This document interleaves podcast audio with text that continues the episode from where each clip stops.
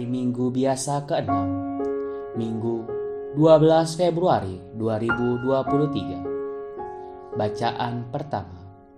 Pembacaan dari kitab Putra Sira Bab 15 ayat 15 sampai dengan ayat 20 Asal sungguh mau engkau dapat menepati hukum dan berlaku setiap pun dapat kau pilih api dan air telah ditaruh Tuhan di hadapanmu. Kepada apa yang kau kehendaki, dapat kau ulurkan tanganmu. Hidup dan mati terletak di depan manusia. Apa yang dipilih akan diberikan kepadanya. Sungguh besarlah kebijaksanaan Tuhan. Dia kuat dalam kekuasaannya dan melihat segala-galanya. Mata Tuhan tertuju kepada orang yang takwa kepadanya, dan segenap pekerjaan manusia ia kenal. Tuhan tidak menyuruh orang menjadi fasik, dan tidak memberikan izin kepada siapa pun untuk berdosa. Demikianlah sabda Tuhan. Bacaan kedua Pembacaan dari surat pertama Rasul Paulus kepada jemaat di Korintus. Bab 2 ayat 6 sampai dengan 10. Saudara-saudara, kami memberitakan hikmat di kalangan mereka yang telah matang, bukan hikmat yang dari dunia ini, dan bukan hikmat yang dari penguasa-penguasa dunia ini, yaitu penguasa-penguasa yang akan ditiadakan tetapi hikmat Allah yang tersembunyi dan rahasia, yang sebelum dunia dijadikan, telah disediakan Allah bagi kemuliaan kita. Tidak ada dari penguasa dunia ini yang mengenalnya, sebab kalau sekiranya mereka mengenalnya, mereka tidak menyalibkan Tuhan yang mulia.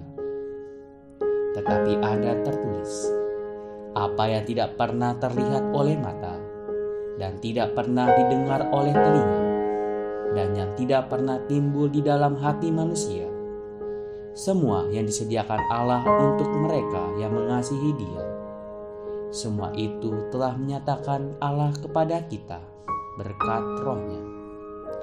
Sebab roh menyelidiki segala sesuatu, bahkan hal-hal yang tersembunyi dalam diri Allah. Demikianlah sabda Tuhan. Bacaan Injil Inilah Injil suci menurut Matius bab 5 ayat 17 sampai dengan 37. Waktu khotbah di bukit, Yesus mengajar murid-muridnya dan berkata, Janganlah kamu menyangka bahwa aku datang untuk meniadakan hukum Taurat atau kitab para nabi. Aku datang bukan untuk meniadakannya, melainkan untuk menggenapinya aku berkata kepadamu, sesungguhnya selama belum lenyap langit dan bumi ini, satu iota atau satu titik pun tidak akan ditiadakan dari hukum Taurat sebelum semuanya terjadi.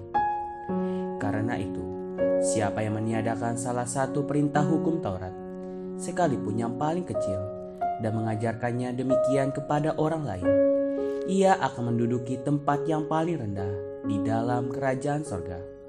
Tetapi siapa yang melakukan dan mengajarkan segala perintah-perintah hukum Taurat, ia akan menduduki tempat yang tinggi di dalam kerajaan sorga.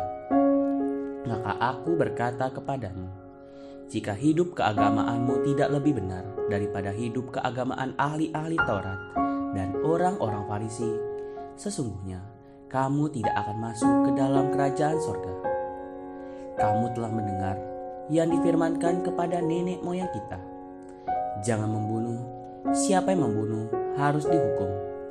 Tetapi aku berkata kepadamu, setiap orang yang marah terhadap saudaranya harus dihukum. Siapa yang berkata kepada saudaranya kafir harus dihadapkan ke mahkamah agama. Dan siapa yang berkata jahil harus diserahkan ke dalam neraka yang menyala-nyala. Sebab itu, jika engkau mempersembahkan persembahanmu di atas mesbah, dan engkau teringat akan sesuatu yang ada dalam hati saudaramu terhadap engkau, tinggalkanlah persembahanmu di depan mesbah itu, dan pergilah berdamai dahulu dengan saudaramu, lalu kembali untuk mempersembahkan persembahanmu itu. Segeralah berdamai dengan lawanmu, selama engkau bersama-sama dengan dia di tengah jalan, supaya lawanmu itu jangan menyerahkan engkau kepada hakim, dan hakim itu menyerahkan engkau kepada pembantunya, dan engkau dilemparkan ke dalam penjara. Aku berkata kepadamu, sesungguhnya engkau tidak akan keluar dari sana sebelum engkau membayar hutangmu sampai lunas. Kamu telah mendengar firman, jangan berzina. Tetapi aku berkata kepadamu, setiap orang yang memandang perempuan serta menginginkannya sudah berzina dengan dia dalam hatinya. Maka, jika matamu yang kanan menyesatkan engkau, cungkilah dan buanglah itu karena lebih baik bagimu jika satu dari anggota tubuhmu binasa daripada tubuhmu dengan utuh dicampakkan ke dalam neraka. Dan jika tanganmu yang kanan menyesatkan engkau, penggalah dan buanglah itu, karena lebih baik bagimu jika satu dari anggota tubuhmu binasa daripada tubuhmu dengan utuh masuk neraka.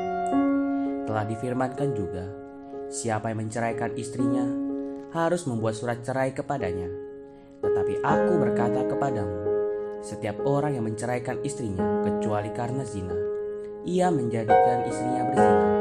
Dan siapa yang kawin dengan perempuan yang diceraikannya, ia berbuat zina. Kamu telah mendengar pula yang difirmankan kepada nenek moyang kita. Jangan bersumpah palsu, melainkan peganglah sumpahmu di depan Tuhan.